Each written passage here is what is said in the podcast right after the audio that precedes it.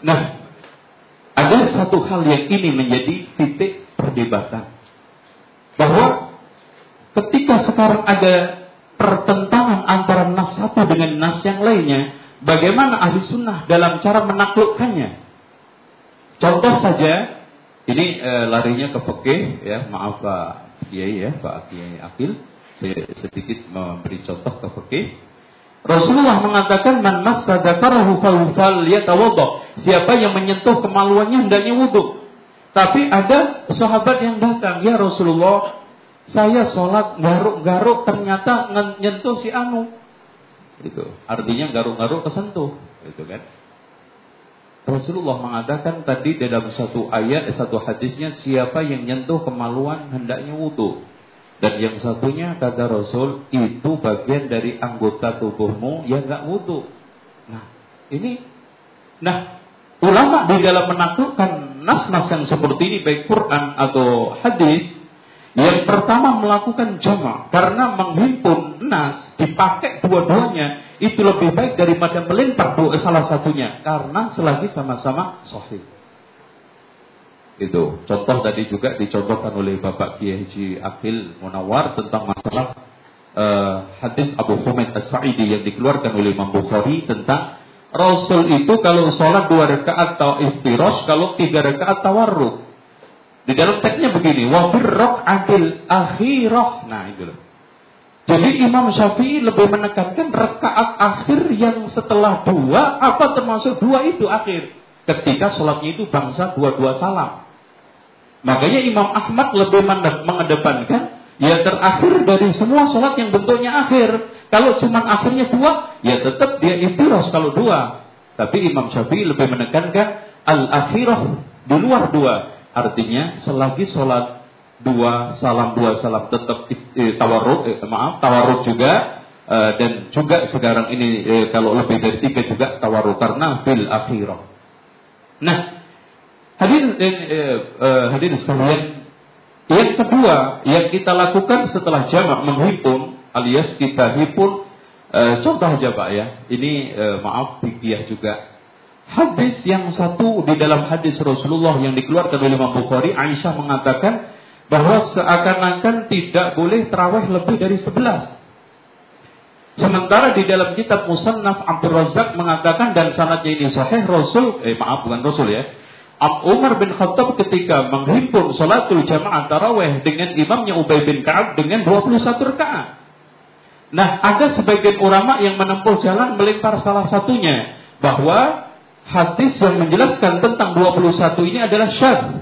Karena definisi hadis syad itu adalah hadis yang sahih menentang riwayat yang lebih sikoh atau terpercaya. Tapi Imam Ibnu Hajar di dalam kitabnya Fathul Barinya tidak usah saling dilempar, dipakai dua-duanya. Kata beliau, kalau bacaannya panjang, rukuk sujudnya panjang, silahkan sebelas.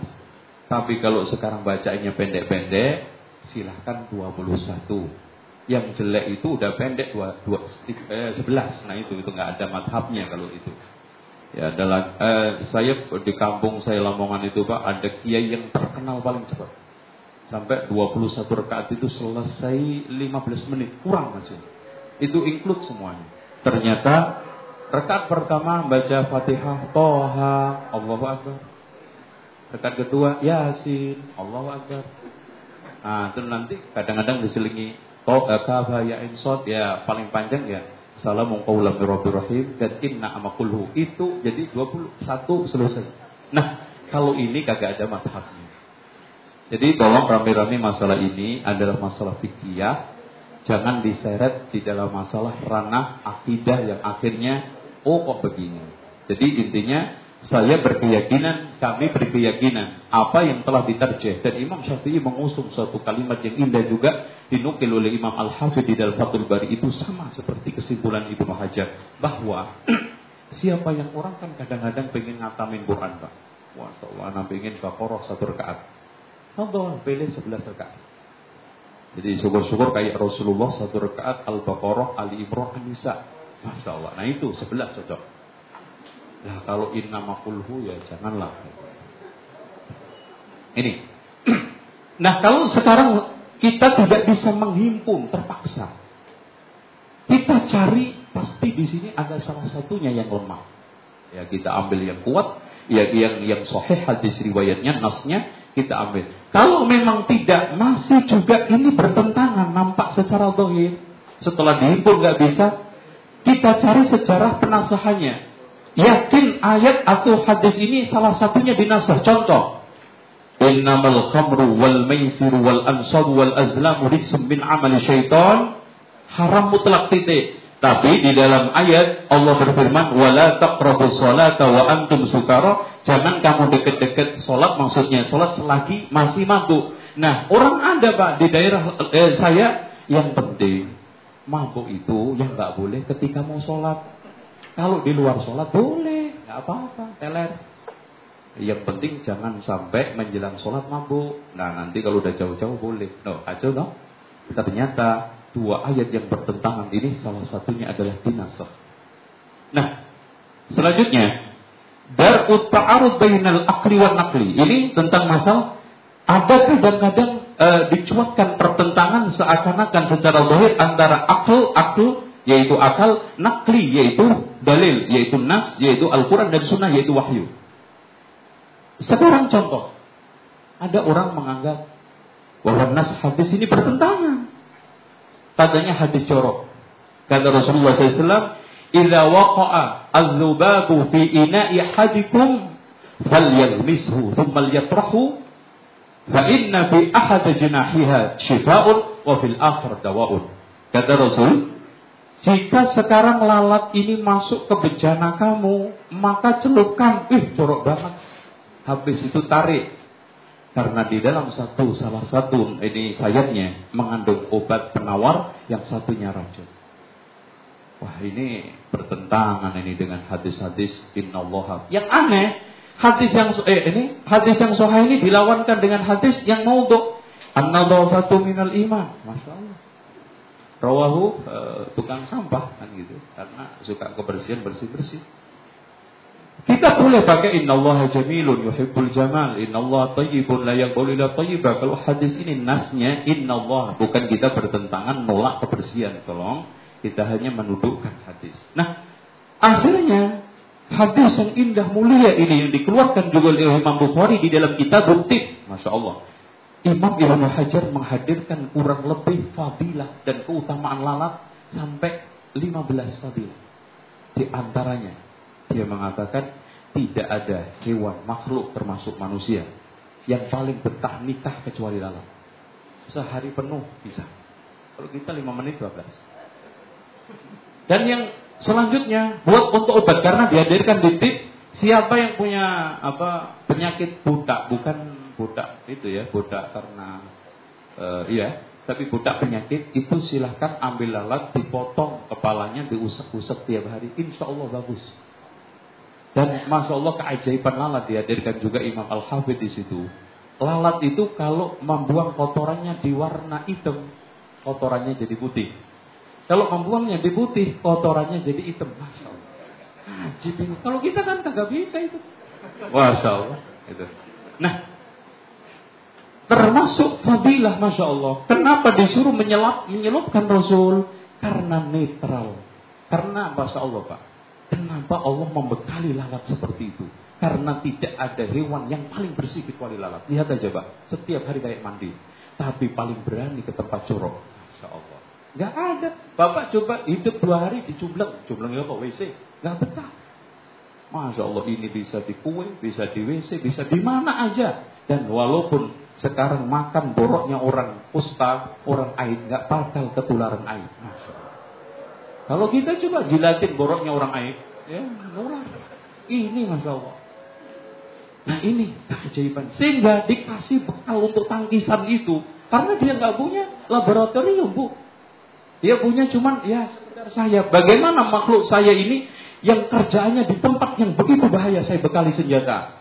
Kasih itu celup yang racun sama yang obat selop dalam satu tempat karena takarannya masya Allah. Allah menakar sama kalau dimasukkan dua-duanya jadi netral. Allahu Akbar.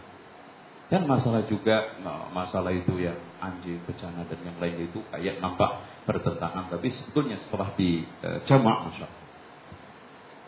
Intinya, kalau sekarang kita membuat satu kaidah, akal itu adalah qat'i, nakal juga qat'i. Gak mungkin saling bertentangan. Kalau dibuang dua-duanya juga nggak mungkin. Diterima dua-duanya nggak mungkin mengumpulkan dua hal yang bertentangan. Harus ditolak salah satunya. Sebagian orang yang menolak penuh, maaf penuhanan akal, akal harus didahulukan.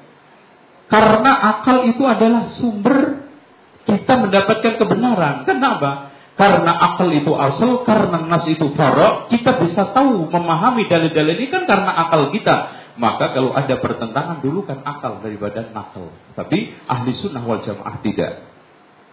Jadi sebetulnya tidak ada kalau ada orang bilang e, ini nas nggak masuk akal. Ini kita ketahui bahwa nasnya saking gedenya, akalnya terlalu kecil, jadi nggak masuk masuk. Itu aja saya. Dan intinya dari saya lihat, nas tidak pernah menghadirkan mayu halu bihil aklu. Tapi menghadirkan mayu haru bihil aklu. Katanya Imam Ibnu Abil Is Al-Hanafi dalam kitabnya Syarah Tahawiyah Nas tidak pernah menghadirkan sesuatu yang mustahil buat akal. Tapi Nas hanya menghadirkan sesuatu yang bikin bingung akal. Itu. Karena saking ini nggak nggak kecilnya jadi nggak muat-muat. Coba kalau akalnya gede, Imam Ghazali, masya Allah, akalnya saking gedenya, masya Allah lihat, Nas semua muat, itu kan gitu. Nggak ada. Imam Ghazali mengatakan ini Nas nggak cocok. Cocok semuanya karena akalnya gede. Imam Abu Hanifah akalnya gede. Imam Fakhrul Razi bahkan kalau seandainya dia itu mengatakan ini batu emas orang semua percaya saking hebatnya dalam menjelaskannya.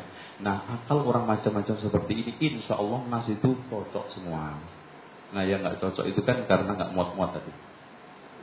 Nah selanjutnya asli di dalam memahami ini kita bahwa asli di dalam memahami nas ahli sunnah berpendapat bahwa kita mendahulukan dohir makna dohir daripada makna batin.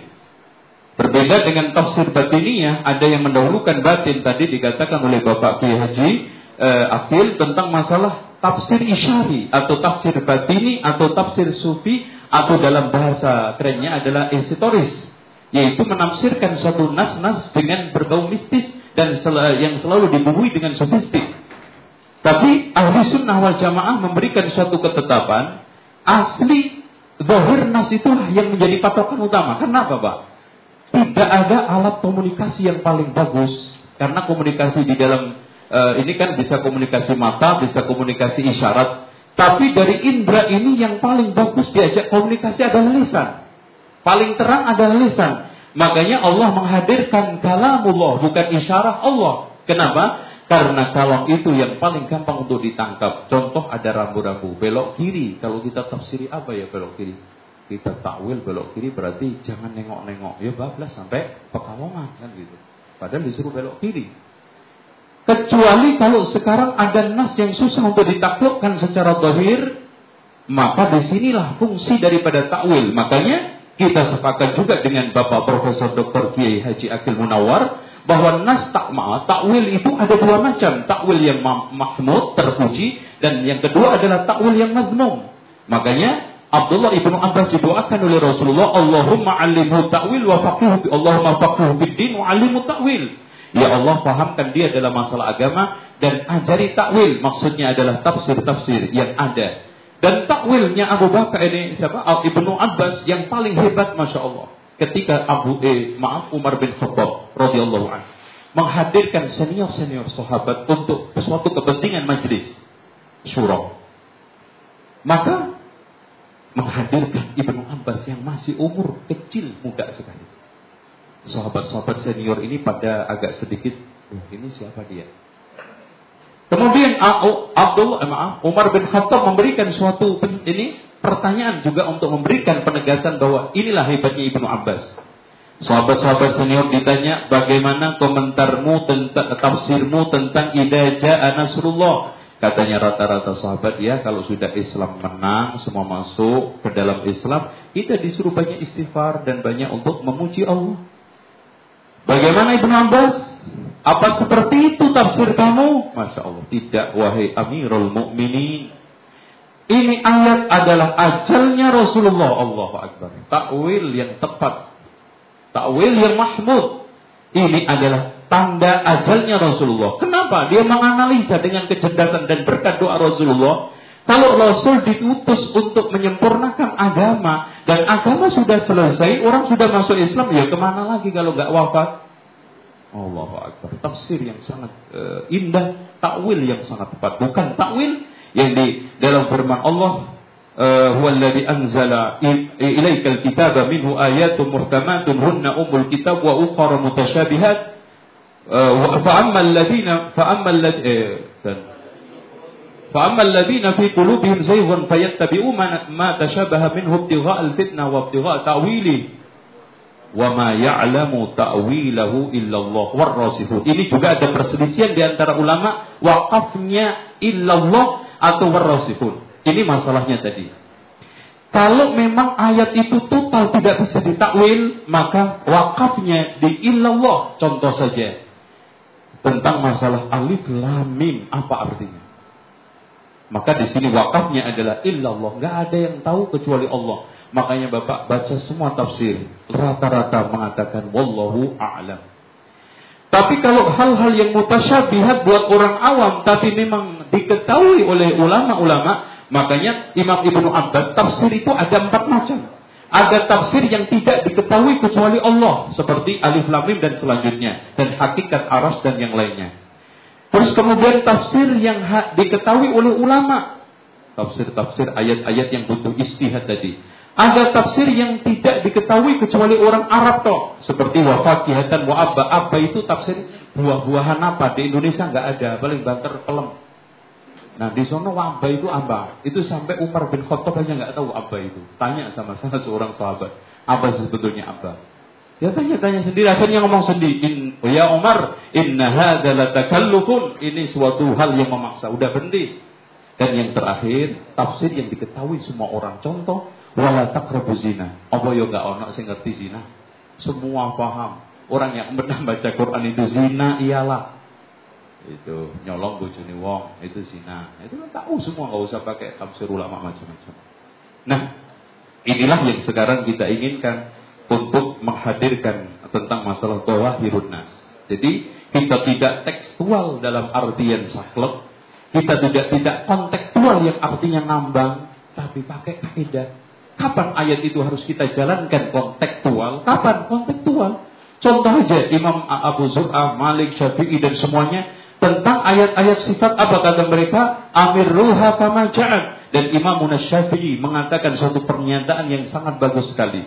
Ini dinukil oleh Imam Ibnu Qudamah di dalam kitab Lum'atul Intifat. Nu'minu billah wa amma ja'anillah wa ala muradillah. Wa nu'minu bil rasul wa amma ja'anil rasul wa ala muradir rasul. Artinya insya Allah sudah kita bisa pahami, nggak usah kita terjemahkan. Yang selanjutnya tentang masalah keenam bahwa bahwa hirunas mahfumatun. Rata-rata bohir nas itu bisa dipahami. Nggak ada suatu nas yang sulit untuk dipahami. Kecuali tadi ada beberapa yang memang Allah hadirkan untuk ujian. Makanya fa'ammal ladina fi qulubihim cari yang zaigun, cari yang aneh-aneh, nyesatin. Tapi uh, wa ma ya'lamu ta'wilahu illallah warrasikhuna fil ilmi yaquluna amanna bihi dalam hal yang memang sudah tidak bisa ditakwil lagi. Aman Nabi udah itu paling selamat. Warrosi. Nah tentang masalah ayat mutasyabih dan muhkam, intinya kaidah ahli sunnah wal jamaah meyakini ketika kita dihadapkan ayat yang muhkam dengan mutasyabih, maka ayat mutasyabih harus kita bawa kepada kita bawa kepada ayat yang muhkam. Jangan ayat muhkam kita bawa kepada ayat mutasyabih, nanti akhirnya kabur semua. Bahkan ayat-ayat yang mutasyabih harus kita rujukkan penjelasannya kepada ayat-ayat yang muhkam. Dan yang terakhir inilah uh, tentang masalah kenapa kita menggunakan pemahaman salafus soleh. Uh, Bapak Yai yang dihormati oleh Allah, semoga kita semua mendapatkan kasih sayang yang sempurna. Kita semua insya Allah sering membaca Ihdinas siratal mustaqim siratal ladina an'amta alaihim ghairil maghdubi alaihim waladdallin. Imam Al-Baghawi dalam tafsirnya Ma'alimut Tanzil mengatakan yang dimaksud suratul mustaqim katanya Imam katanya Ibnu Mas'ud adalah Islam, katanya Ibnu Abbas adalah Al-Qur'an, katanya Ali kitabullah, katanya Abu Aliyah ini seorang tabi'in adalah jalannya Abu Bakar dan Umar. Kita artikan ayat ini menurut versi tiga tiga tafs mufassir kawakan ini. Ya Allah tunjukkanlah kami di dalam memahami dan mengamalkan Islam Al-Quran Kitabullah seperti pemahaman an-amta alihi berarti di sini ada standarisasi pemahaman. Seperti kenapa Pak? Karena tadi di awal saya katakan Quran nggak pernah salah hadis yang sahih itu nggak pernah salah tapi yang salah adalah pemahaman sehingga kita mencari pemahaman salafus soleh tidak lain adalah dikatakan Rasul di dalam hadis yang sahih riwayat Imam Bukhari dan Muslim khairun nasi qarni summal ladina yalunahum summal ladina yalunahum Kenapa kita jadikan panutan mereka? Karena manusia terbaik yang telah dijamin surga dari mana? Ketika Allah mengatakan di dalam surat An-Nisa, "Faulaika ma'al ladina an'ama Allahu 'alaihim minan nabiyyin was-siddiqin wasyuhada'i was-shalihin fa hasuna ulaika rafiqa. Mereka-mereka itu akan dikumpulkan di surga bersama orang-orang yang diberikan nikmat oleh Allah dari kalangan an-nabiyyin, orang nabi yang paling mulia adalah sepakat Nabi Muhammad. As-Siddiqin manusia paling jujur setelah Nabi Muhammad Sallallahu Alaihi Wasallam adalah Abu Bakar As-Siddiq dan orang yang dijamin mati syahid adalah Umar Utsman. Dan mereka yang perang perang Badar perang Uhud dan selanjutnya wasalihin manusia paling soleh setelah Rasulullah adalah sahabat dan tabiin yang dikatakan khairun nas tadi. Makanya saya akhiri dengan ucapan Ibnu Mas'ud. Man kana minkum muta'assiyan barang siapa yang ingin menjadikan seseorang sebagai suri tauladan falyata'assa bi ashabin nabi hendaknya dijadikan suri tauladan ini sahabat-sahabat nabi. Kenapa Pak? fa ummati quluban karena mereka adalah orang yang paling baik hatinya keimanan dan ketakwaannya. wa a'maku wa wa a'ma wa a'makuha ilman orang yang paling dalam ilmunya karena langsung belajar ke Rasulullah. wa aqalluha takallufan paling sedikit kesalahannya. Karena kalau salah langsung ditegur Rasul Coba jangankan sampai banget-banget kesalahannya. Abasa wa tawalla itu yang salah bukan sahabat biasa. Rasul sendiri ditegur Allah. Dan ya kata Imam Ibnu eh, maaf Ibnu Mas'ud tadi wa ahsanuha halan orang yang paling baik kondisi zamannya. Sehingga eh, saya mohon maaf eh, Bapak Ibu sekalian eh, asatid, masyayikh dan juga Bapak Kiai semua Inilah pemaparan yang saya sampaikan dari saya seorang yang fakir, yang lemah, yang hanya mencoba meniti kebenaran dan itu pesan Ki Haji Najib, guru besar saya dulu ketika saya di pondok pesantren dan itu saya terus ingat bahwa sampai pada kesimpulan inilah yang akhirnya ikutilah orang karena dia benar. Jangan mengikuti kebenaran karena orang. Ikutilah, eh, pelajarilah kebenaran kamu akan kenal siapa yang benar. Dan kita simpulkan bahwa kalau masalah bermadhab, namanya aja madhab itu tempat jalan. Berarti madhab itu adalah sarana untuk kita berjalan menuju satu tujuan Quran Sunnah. Nah, imam imam imam imam madhab rahimahumullahu taala ini mencoba mencari membikinkan kita jalan. Kalau nggak bisa bikin sendiri, ikut jalan yang ada. Kalau bisa berarti Anda mustahid bikin jalan sendiri.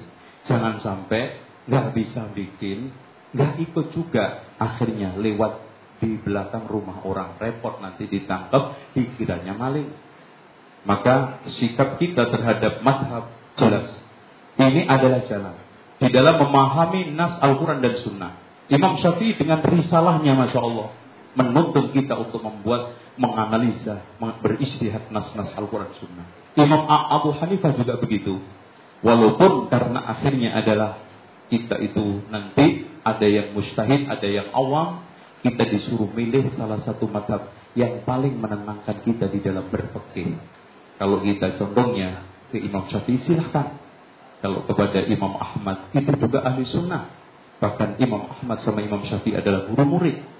Kalau kita sampai bertikai, eh kan malu sama guru kita, yaitu Imam Ahmad dan Imam Syafi'i. Ini tentang soal masalah masadirul istidlal dan juga fawaidul istidlal. Wallahu. Uh, saya tidak perlu menyimpulkan Pak Ibu sekalian karena kita dibatasi oleh waktu. Uh, langsung saja saya buka kesempatan ini kira-kira mungkin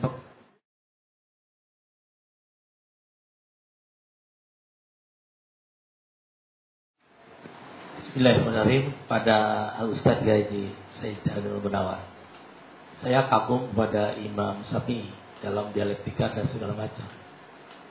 Saya mengetahui bahwa NU adalah salah satu bermadhab kepada Imam Syafi'i. Saya temukan bahwa tidak seluruh yang berbahas madhab kepada Imam Syafi'i itu secara total mengikuti. Kami temukan dalam kitab Al-Um, dalam Fi'adanil Jumat, Imam Syafi'i tidak melihat Usman, tapi justru melihat Rasulullah satu kali azan. Bagaimana tanggapan Ustaz itu? Kemudian yang kedua pada rekan kami gitu, Kiai Jalal Abidin. Salafus soleh adalah merupakan adalah ya salafi. Saya tanyakan dasar salafus soleh ini apakah yang diikuti dalam akwal atau dalam afal ataupun berhubungan dengan ubudiyah, mahdoh atau yang berhubungan dengan muamalah. Bukankah bahwa sudah cukup para sahabat melihat sejaman dengan Rasul laqad kana fi satu nasana. Nah, itu. Bagaimana kalau terjadi pertentangan antara sahabat dan satu dengan yang lain kami temukan dalam tafsir. Ada Ibnu Abbas berbeda pendapat dengan sahabat yang lain. Apakah dua-duanya harus diikuti? Gitu. Bagaimana? Terima kasih. Bismillahirrahmanirrahim uh, pertanyaan untuk Ustaz Zainal Abidin. Yang ingin kami tanyakan adalah ketika Salafi menisbahkan dirinya kepada Salaf Soleh, kami ingin bertanya Salaf yang mana yang diikuti? Karena Salaf itu sendiri berbeda sebagaimana di, di, disinggung. Banyak contoh kasus seperti dalam takwil, tafwid, dalam Rasulullah berislam Mi'raj, dalam uh, sahabat yang paling utama itu salafus soleh berbeda pendapat bahkan sangat kontras dan sangat banyak.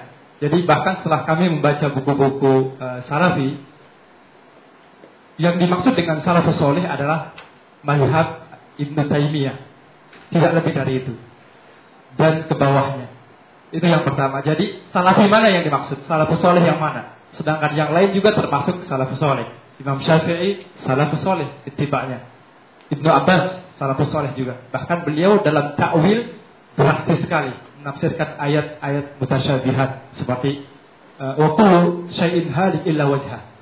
Semua hancur kecuali wajah Allah. Ya Allah fawqa aidihi. Allah nurus samawati wal arda. Itu kan tentang uh, uh, tentang Allah yang mana menjadi polemik ya, dalam tafsir dan tasbih. Yang kedua, Ibnu Utsaimin sebagai ulama uh, salafi dan Ibnu Fauzan dan lain sebagainya termasuk bin Baz mengatakan al-asyairah wal maturidiyah laisat min ahli sunnah. Mohon ditanggapi. Bahwa asyairah dan maturidi bukan bagian dari ahli sunnah. Bahkan mengatakan hum. Mereka adalah termasuk dari orang-orang kafir. Ketika berkata seperti itu, secara tidak otomatis Imam Syafi'i juga kafir karena bermazhab maturidi. Sebagian besar ulama dan jumhur dari sejak zaman Rasulullah sampai abad sebelum ketujuh Ibnu Taimiyah itu bermazhab Asy'ari dan Maturidi dalam akidah. Karena hanya namanya saja Asy'ari dan Maturidi. Sebenarnya pahamnya adalah dari Rasulullah SAW dari, dari para sahabat. Yang kami tanyakan, bagaimana komentar Anda ketika mengkafirkan kata kalimat takfiri saudara-saudara kita. Karena tadi cantik sekali bicaranya berbeda dengan di lapangan. Kami hanya ingin melihat jawabannya. Tadi apa semua yang disampaikan benar semua, cantik, indah. Kami juga ingin di lapangan seperti itu. Gitu. Itu yang kedua. Bismillahirrahmanirrahim. Uh, saya tidak tanya pada Pak Profesor Said karena saya tidak paham atau tidak paham gitu. Maksudnya paham kalau mungkin satu bulan gitu Pak.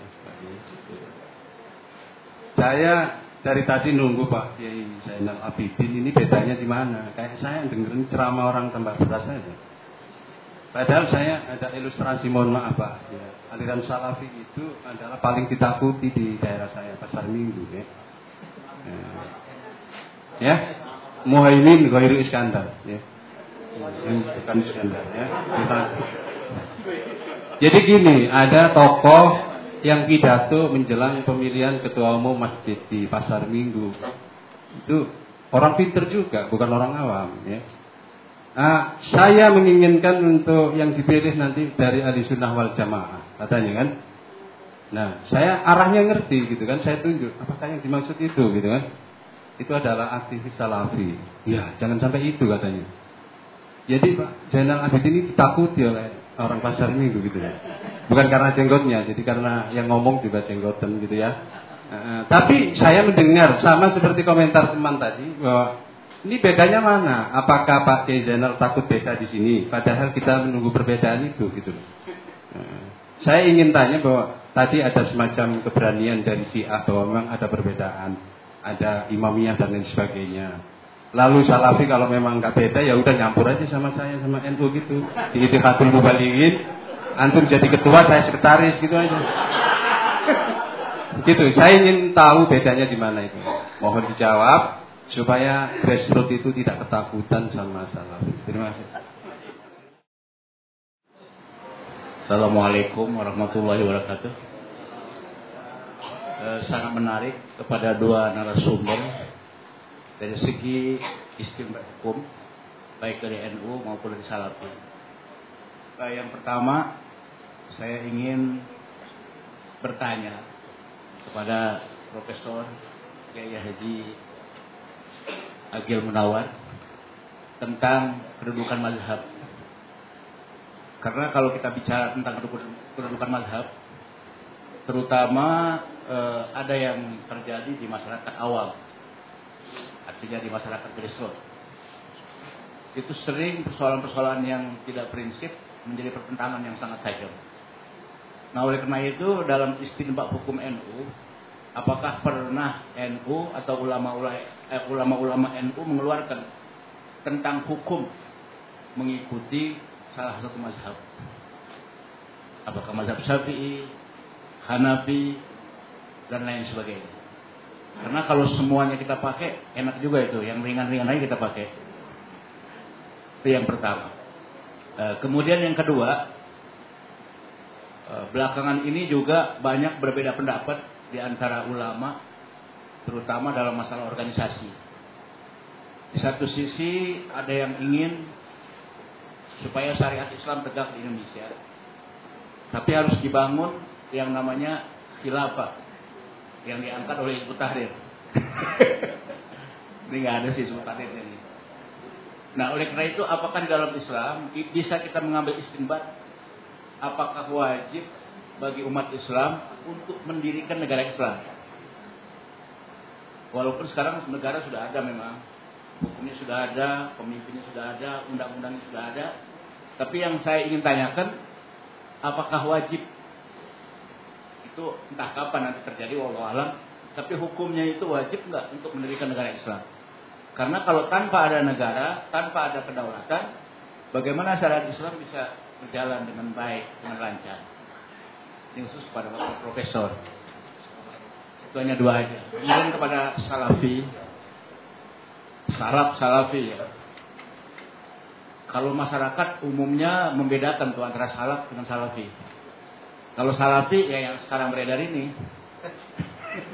Kalau salaf itu ulama-ulama salaf yang karangan-karangannya kita baca terutama ulama salaf dari mazhab Syafi'i itu memang sudah amat sangat dikenal.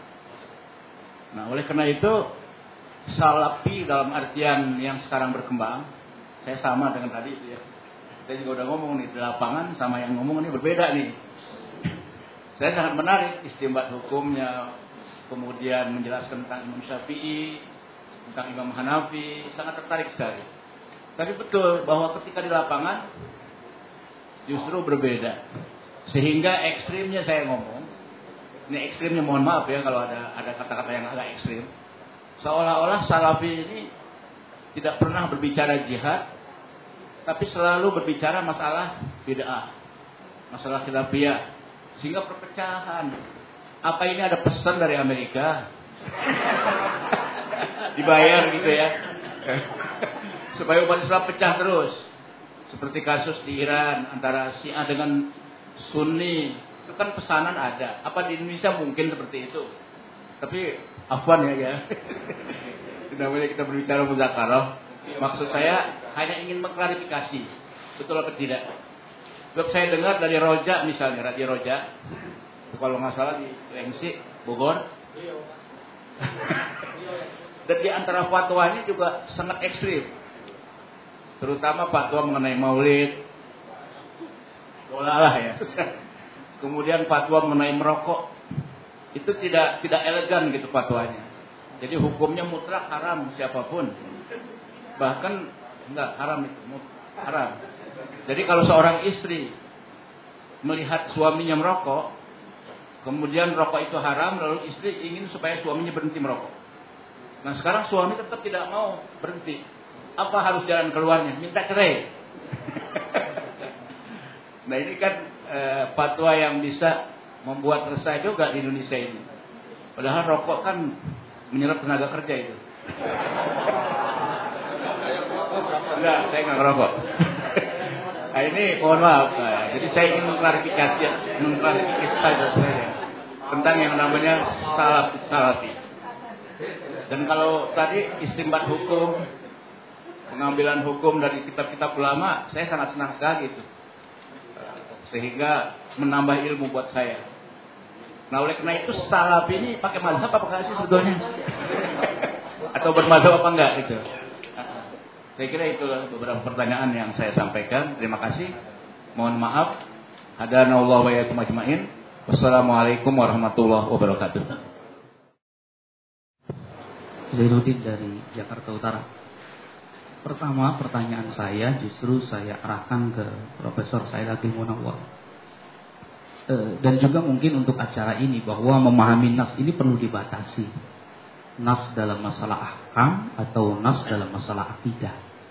Sehingga nanti bahasan kita juga jelas. Ini akhirnya kan yang sebelah akam, yang sebelah tidak. Akhirnya kelihatannya ketika pada masalah hukum ketemu semua.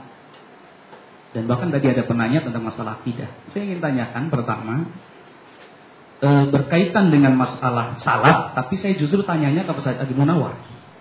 Karena di dalam kitab Jauharatul Tauhid, ini dibaca di pesantren. Ada satu nazam yang menarik. Fakullu khairin bittiba'i man salafi wa kullu syarrin fi ibtida'i man khalaf wa kullu hadyin lin qad raja fama ubiha fa'al wa da' malam yubah. Salihah mimman salafa wa janibil bid'ata Nah, itu menarik sekali kendatimu. Nanti Al-Bajuri dalam uh, Tuhfatul Murid memberikan uraian yang mungkin bisa jadi tidak sama dengan uraian uh, Ustaz Zainal nanti. Karena tak tarihi al-ahkam al-khamsa nanti dalam masalah bid'ah. Itu kan al-bayjuri. Tapi sebenarnya bagaimana posisi? Itu yang pertama. Yang kedua, masalah takwil. Yang tadi juga sempat disinggung. Saya dulu di pesantren ada kitab namanya Al-Jawahirul Kalamiyah. Mungkin bapak-bapak juga kiai kenal.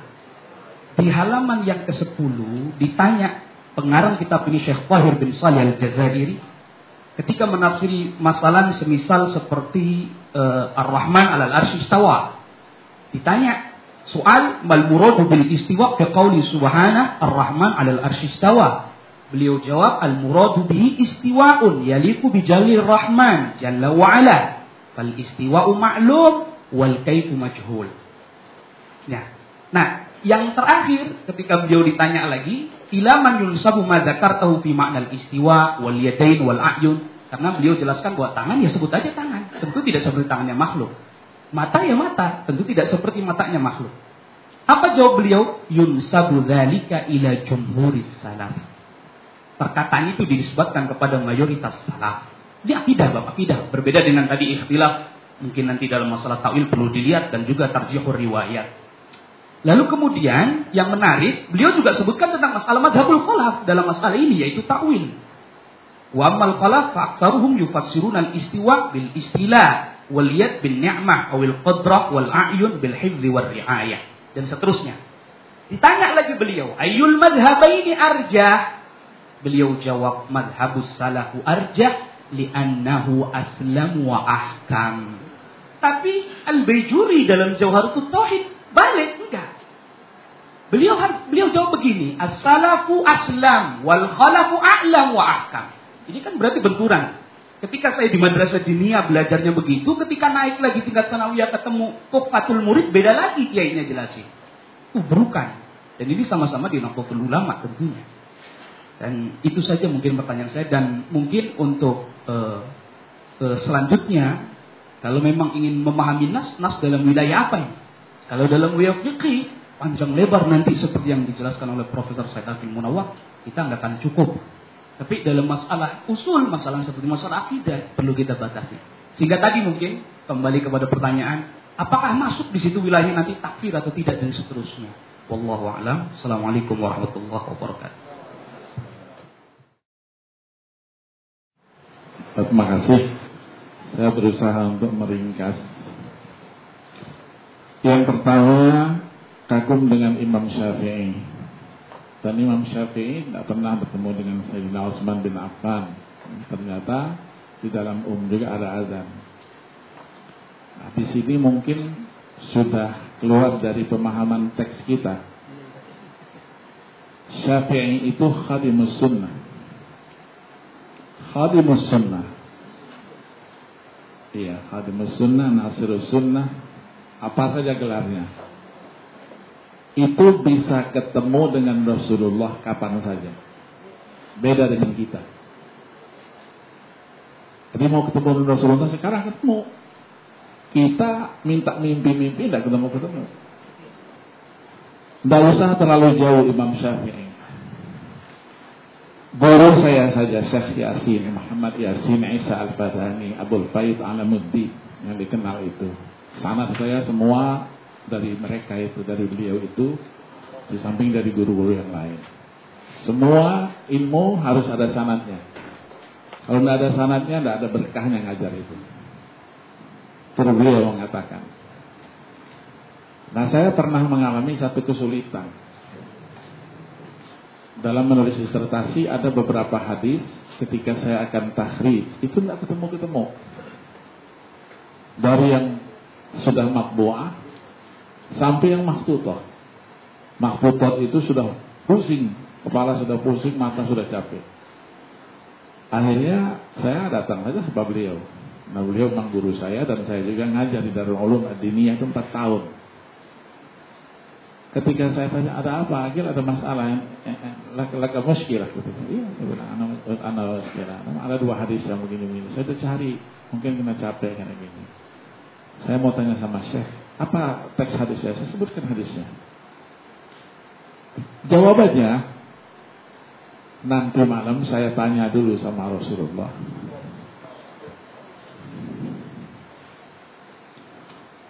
Nanti besok duhur datang ke sini. Apakah beliau betul mengatakannya, pernah mengucapkannya, dan nanti di mana itu adanya nanti saya tunjukkan. Besok pagi saya habis duhur, biasa saya kalau ada dia kalau ada itu beliau katakan ada buku baru. Ada kalau buku-buku baru yang berkaitan dengan asanid itu dia paling senang. Langsung dibaca dicoret-coret sama dia nanti kasihkan sama saya. Besok pagi saya datang dia katakan hadis saya semalam sudah ketemu dengan Rasulullah. Rasulullah katakan benar dua hadis itu beliau ucapkan. Adanya di mana? Coba cari di sini di sini. Semuanya selesai jadi tidak usah kita bicara yang Imam Syafi'i ya, ya level-levelnya Syekh Yasin saja sudah begitu. Ya, jadi mereka bisa bertemu langsung dengan Rasulullah Sallallahu Alaihi Wasallam. Eh, yang kedua, yang ada kaitan dengan saya ini, eh, salat mana yang perlu diikuti juga kaitan dengan takfir tadi itu disinggung-singgung juga bagaimana e, pendapat saya gitu. Kalau saya mengatakan takfir itu bukan saya saya baca dari buku. Di kelas saya pernah saya dengar takfir itu. Ketika saya kelas 2 ya, kuliah syariah, Ustaz Syarifuddin mungkin tahu, Syarifuddin karena beda-beda fakultas kita. Di Fakultas Syariah itu akidah itu diajar oleh saya dulu kelas 2 itu Abdul Qadir Syaibatul Ham. Seorang salafi yang luar biasa. Ketika dia menjelaskan ada satu topik di situ ada uh, teks ya dari Syarh At-Tauhid itu itu memasuki ke masalah masalah uh, wulu masalah wulu itu. Jadi dikecamlah Al-Burdah itu. Busiri Imam Busiri ya akramal khalqi maliman aluzu bihi siwa ka'inda hululil hadithil amin. Itu di, di, dikecamnya. Akhirnya secara uh, kaget saya karena saya kursi saya nomor 6 di sana kalau mumtazin gitu kan di, di apa di kursinya di depan itu, maka tidak bisa keluar kita kan.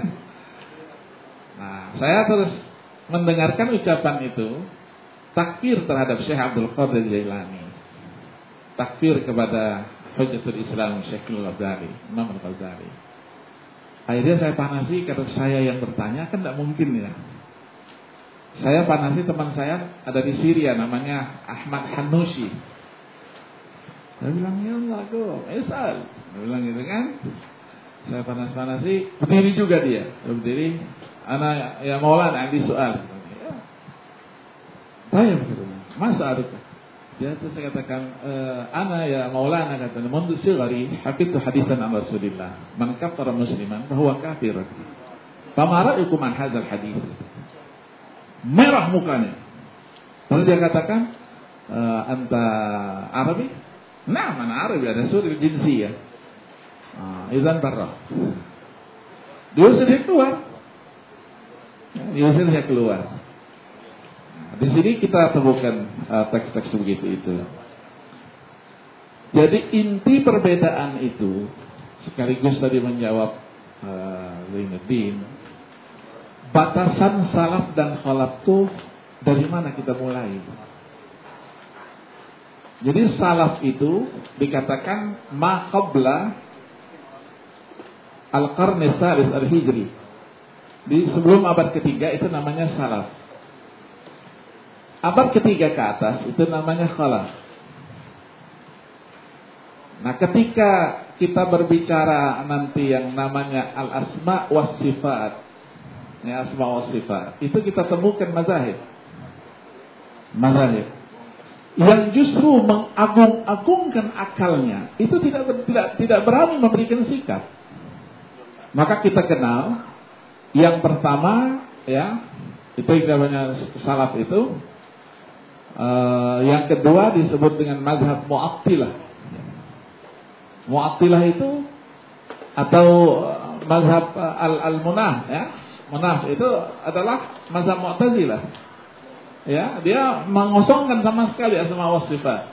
Tapi yang salaf itu mengatakan nu'minu bima asbatahu Allah azza wa jalla nafsi ya wa ma nahahu nafahu anhu wa nu'minu bima asbatahu rasul nafsi wa ma nafahu anhu dengan catatan min ghairi tamthilin wala tashbihin wala ta'tilin wala takyifin wala tahrif semua itu yang ketiga ada kelompok namanya mujassimah. Ini keterlaluan. Keterlaluan mereka ini. Jadi mu'attilah yang ini sebaliknya. Mereka mengatakan uh, lillahi ainun wa ainuhu ka'ainil dan dan seterusnya.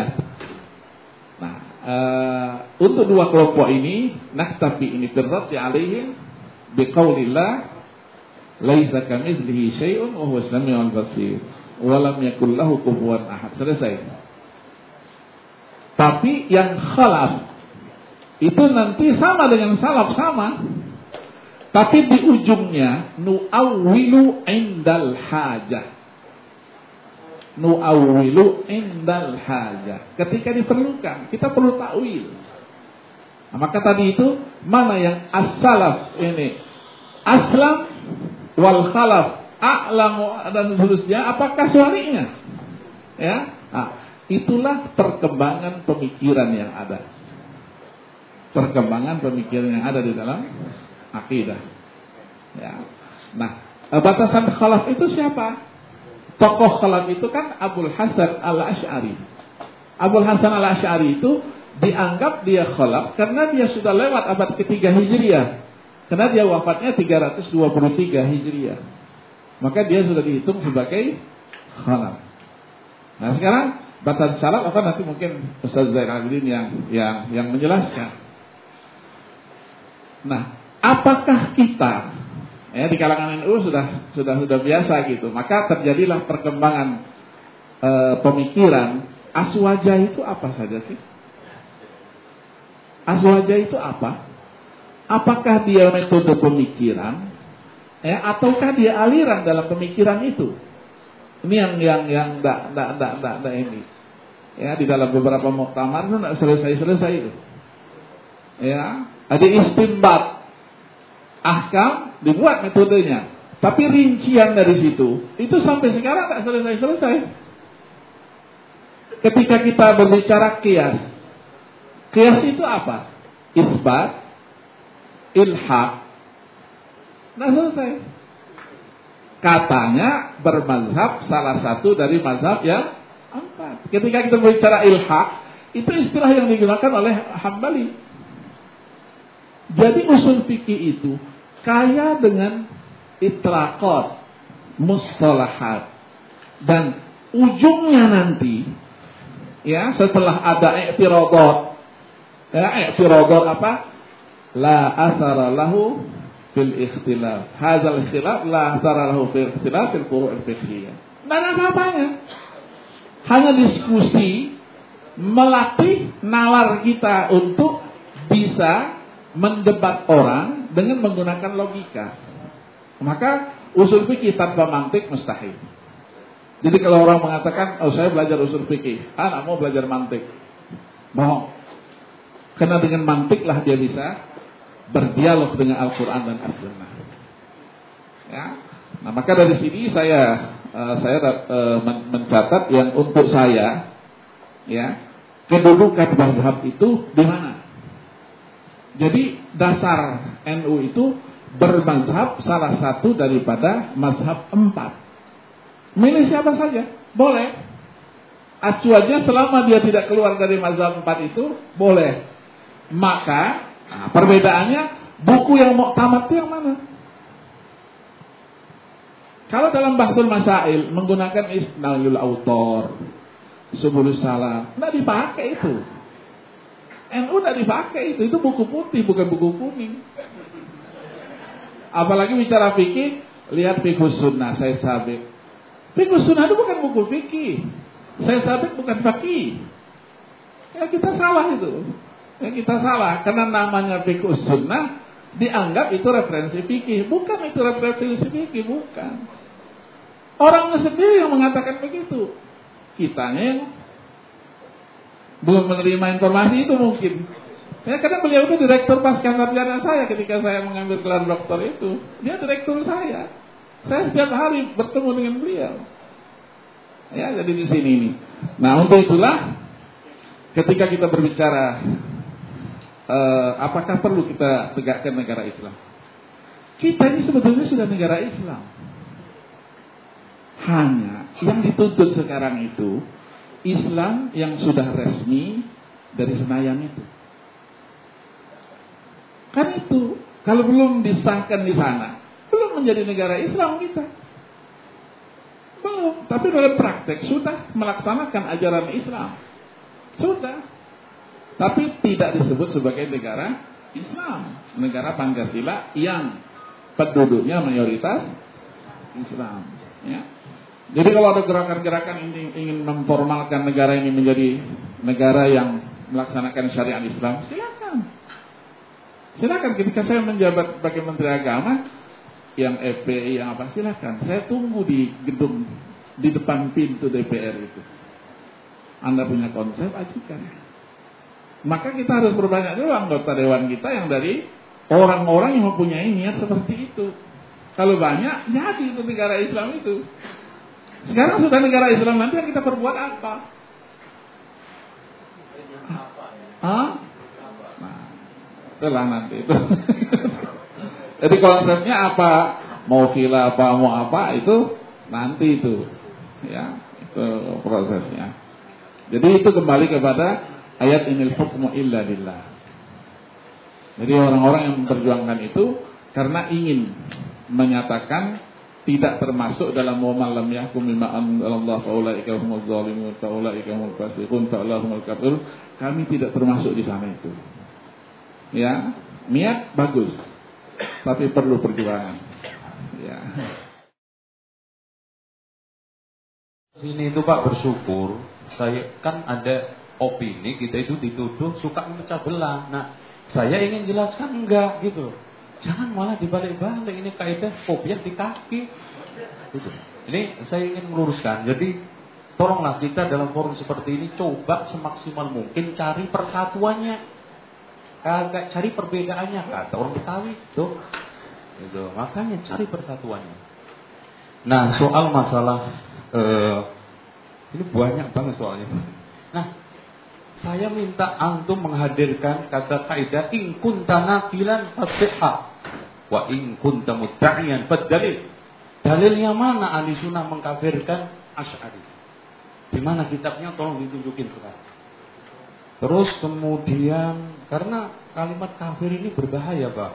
Karena Rasulullah mengatakan man qala li akhihi ya kafir faqad ba'a biya ahaduma. Uh, terus gini, kita tuh kalau ngomong agak sedikit ilmiah akurat, Imam Syafi'i Maturidiyah, lahirnya duluan di Mas. ya apa ini? Tanpa akil sirat ini. Lahirnya itu duluan Imam Syafi'i, kemudian baru Maturidi. Masa ada orang belum lahir di Nisbatan? Ini lo di lo bisa muter-muter ini nanti. Jadi tolong, jadi kalau saya ingin uh, menghadirkan suatu hal yang sifatnya ilmiah, itu data-data dipenuhi dulu, baru coba aja. Maturidi sama Ash'ari itu satu zaman. Tadi Bapak uh, Akil Munawar bilang 300-an ke sono. Sementara Imam Syafi'i meninggal tahun 205. Itu. E, terus kemudian soal masalah e, uh, saya tadi alhamdulillah dikasih amanah sama Bapak Kiai Haji Akil Munawar untuk membedakan salaf sama kholaf. Salaf istilah lugawiyan atau syar'i. Kalau lugawi ya orang yang lebih dulu daripada yang sekarang ini akhir khalaf namanya jadi si zaman. Tapi kalau istilahan semua orang yang telah berpijak pada ahli sunnah dan tidak tertuduh membuat kebid'ahan itu semua salah walaupun akhir. Dan semua orang yang tertuduh membuat kebid'ahan dalam agama itu khalaf walaupun awal contohnya Wasil bin Atta contohnya itu dan masih banyak Ubaid bin Amr dan yang lainnya. Ini e, menurut e, apa namanya? Nah, saya ingin Yahudi tadi. Ah, soal Bapak ya, ini soal NU. Saya siap Pak, jadi sekretaris ya. Iya, siap. Saya datang ke sini lebih bawa baju NU. Cuman katanya Gus Dur, NU itu ada dua. NU kitab sama NU organisasi. Nah, yang NU nyelentang-nyelentang itu jarang baca kita. NU yang nggak bener itu, banyak yang nggak bener kita. Coba kalau kita baca di Anatul Tolibin, tahlilan itu nggak boleh. Akil Munawar insya Allah bisa baca di dalam kitabul janazah. Ngumpul-ngumpul setelah kematian hari ini, ini, ini. Haram makanannya mubazir. Loh, Sing salah sapa? Saya itu cuma menukil kitab. Bahkan putusan Bahsul Masail Banyuwangi dan juga eh, yang ada di mana ini di Tasik, saya semua insya Allah Pak, kitab NU saya masih utuh. Dan saya mendapatkan wejangan dari guru saya, Bapak Kiai Najib, tolong kitab ini. Dan tolong terus terang Pak, yang tukang nonton Gus Dur dulu di Jombang saya. Nonton ke mana-mana itu. Jadi Soal masalah berbeda bukan salah NU. Orang NU aja berbeda kok. Antum nggak percaya Gus Dur sama Muhaimin Iskandar beda nggak? Loh, antum ingin cari perbedaan ini. Tapi saya senang hadir ke sini cari persatuan bersama. Uh, soal salafi yang mana? Antum sekarang melihat ajarannya apa orangnya? Tapi kalau orangnya maaf Pak, salafi itu beda-beda orangnya. Contoh salafi saya dengan Abu Bakar jelas hebatan Abu Bakar. Tapi kita ingin mencari ajarannya kan. Soal orangnya beda-beda. Namanya orang nggak maksum. Antum buat nilai suatu ajaran akan kacau. Makanya is muslim itu lebih baik dinilai dengan Islamnya bukan dengan muslimnya. Muslim orang ini colongan. Itu datang ke masjid nyolong sandal. Makanya di mana-mana Pak lihat itu amplifier di masjid itu kan di kerangkeng. Emang marmut? Enggak, karena dicolong orang takut. Makanya ada dialog antara sopir Kristen sama Islam, menang sopir Kristen. Nah, coba. Katanya sopir Kristen, eh masjid lo kagak ada piano, sama kagak ada gitar. Katanya si Kristen Islam, emang gedung film ada piano, ada gitar. Oh enggak, masjid kami itu kalau ada piano, ada gitar, hilang. Kotak masjid aja hilang, lo kan menang. Nah, soal masalah sekarang ini, uh, Yahudi Pak, Masya Allah kita sepakat bahwa kita sekarang ini memelihara sunnah-sunnah Rasul. Itu ada cirinya untuk menyelisih Yahudi. Kalau Bapak nuduh kita dikirim, kirimin rekening, tolong tunjukin rekening mana yang dari Simon Peres. Kalau sekarang rojak didanai umat, tolong tunjukin rekeningnya. Pak, kita ini sekarang, jangankan dari Amerika, dari Saudi susah dapat dana karena dituduh teroris. Itu. Terus terang Pak. Karena apa? Casingnya sama. Walaupun saya juga sudah nulis jihad melawan teror. Bahkan diserbu sama mereka. Itu loh. Jadi ini soal masalah tuduhan. Nah soal masalah rokok ini.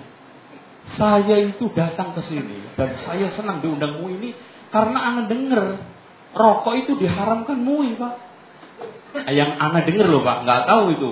Katanya sih ketika saya datang ke komisi fatwa karena ada teman saya di sana, ada dua kelompok yang mengatakan haram, ada dua kelompok yang mengatakan makruh. Udah gini aja deh. Kita kembali ke rokok. Merokok merugikan. Nah, udah. Kalau orang Padang pandai dagang, bukan etnis etnisnya. Padang pandai dagang, orang pinter dagang. Kalau rugi biasanya dihentikan. Itu kalau kita berpikiran, apalagi kalau kita hanya ikut uh, usul pakai tadi, darul mafasid kan gitu. Nah, bagi saya gitu loh Pak. Bagi saya rokok itu merusak kesehatan. Saya dulu merokok Pak karena kalau nyantri di pesantren NU nggak merokok itu katanya kampung saya ibarat ee nggak cebok. Ya pasti merokok dan saya usahakan bisa berhenti alhamdulillah. Cuma saya keyakinan ini merusak kesehatan saya itu aja. Lah Bapak punya keyakinan, monggo kita diskusikan terus. Intinya, perbedaan itu ada wahananya. Wa tawasau bil haqqi wa tawasau bis sabr. Uh, soal masalah jihad. Masalah jihad enggak. Cuma kita tidak bisa jihad kecuali harus ada imam. Jangan terus dituduh Syiah loh. Syiah bedanya. Kalau Syiah itu ada imam Mahdi kan gitu. Kita siapa saja imam yang sudah bisa memberikan rekomendasi untuk apa mem, memimpin jihad silahkan dengan syarat. Karena gini pak, ketika kita bicara masalah jihad itu kan nyerbu negara. Kalau nggak pakai izin imam, masuk nyerbu bareng-bareng. Ayo, mana negara mana yang kita serbu? Wah, Singapura aja, rame-rame. Atau nggak usah ke Singapura, ke Glodok aja, bonimanya gede-gede komputer. Dan nanti kalau sekarang kita itu nyerang, menang kan dapat rampasan berang, Pak. Kalau nggak ada pemimpin, siapa yang bagi ghanimah rampasan perang itu? Lo mau royoan? Saya komputernya. Terus kemudian kan namanya perang itu kalau menang nawan tawanan. Nah, tawanan itu ditawan, dibebaskan atau dijadikan budak. Ini juga kebijakan imam. Makanya Allah mengatakan yas'alunaka kepada siapa? Imam. Anil anfal itu. Jadi itu ada pun madhab. Saya seperti Pak Akil Sirot. Nggak ada Pak Akil Munawar, maaf. Nggak ada perbedaan. Madhab itu dari kalimat insya Allah Bapak Kiai tahu semua dari kalimat dahaba. Madhab berarti tempat berjalan. Kita menuju Quran Sunnah. Nah kalau saya sekarang dalam satu masalah, kadang-kadang mantep Imam Ahmad, silahkan terjadi. Tapi dalam satu saat, saya mantep Imam Malik. Contoh aja, kita kadang-kadang menggunakan di Indonesia aja Pak orang awam ya. Semuanya Imam Syafi'i. Giliran sekarang jual kulit kurban. Apa itu pendapatnya Imam Syafi'i? Yakin kalau kita buka kitab-kitab eh, ini eh, kitab-kitab itu pendapat yang membolehkan jual i, apa namanya? Jual kulit kambing adalah pendapatnya Imam Abu Hanifah. Lo kan? Enggak boleh, man. Contoh aja sekarang banyak orang NU yang sekarang bayar apa itu bayar zakat fitrah pakai uang. Padahal Imam Syafi'i mengatakan haram nggak boleh. Loh, Berarti di sini memang uh, terjadi dua. Nah, saya itu memilih NU kitab. Nah, Bapak terserah mau NU organisasi ya itu jalan masing-masing. Tapi saya lebih memilih NU kitab. tadi semua ucapan saya saya ingin pertanggungjawabkan di hadapan Allah melalui kitab-kitab yang ada karena pada dasarnya gini loh Pak kita ini kan uh, ulama eh apa namanya orang adba pengikut dan senior kita adalah ulama-ulama itu dengan kita mengikuti insya Allah ya oke okay. demikian saya kira uh, uh, yang bisa saya sampaikan itu dan mudah-mudahan saya berharap pertemuan ini berlanjut dan semakin kerak-kerak hati ini ada ketemu dan berangkatnya semua watawasau bil haqi watawasau bis Sekalian Bapak Ibu yang kami hormati dengan dua paparan tanya jawab dan jawaban balik kita bisa sampai kepada bagian akhir dari pertemuan ini. Kalau tadi pagi Pak Moderator, Pak Syekh, Pak Eka memberikan catatan kesimpulannya, kita sekalian ini bersama dalam usul dan berbeda di dalam huruf. Kalau sore ini boleh saya berikan satu kalimat untuk mencapai pemahaman nas itu diperlukan pengetahuan lugat dan pengetahuan tentang konteks. Dan perbedaan-perbedaan itu adalah perbedaan madhabiyah, bukan per, perbedaan e, firqatiyah. Jadi ahlu sunnah wal jamaah itu adalah madhab dalam berpikir dan ahlu sunnah wal jamaah itu bukan klaim sebuah aliran. Kalau saya tangkap yang dibincangkan kedua beliau itu itu. Oleh karena itu di lapangan seyogianya takfir atau pembid'ahan atau yang sejenis itu mesti di hati-hati betul agar supaya kaum muslimin dan muslimat ini bisa bersatu kembali dalam usul dan berbeda dalam buruk itu adalah masalah yang biasa. Oleh karena itu, ayuhal ikhwan, saya kira ini satu pertemuan yang sangat luar biasa. Mudah-mudahan Allah memberikan rahmat kepada kita sekalian. Amin ya rabbal alamin. Saya selaku moderator saat ini, mohon maaf kalau ada kekurangan dan saya kembalikan kepada panitia untuk ditutup. Pak Ketua, silakan.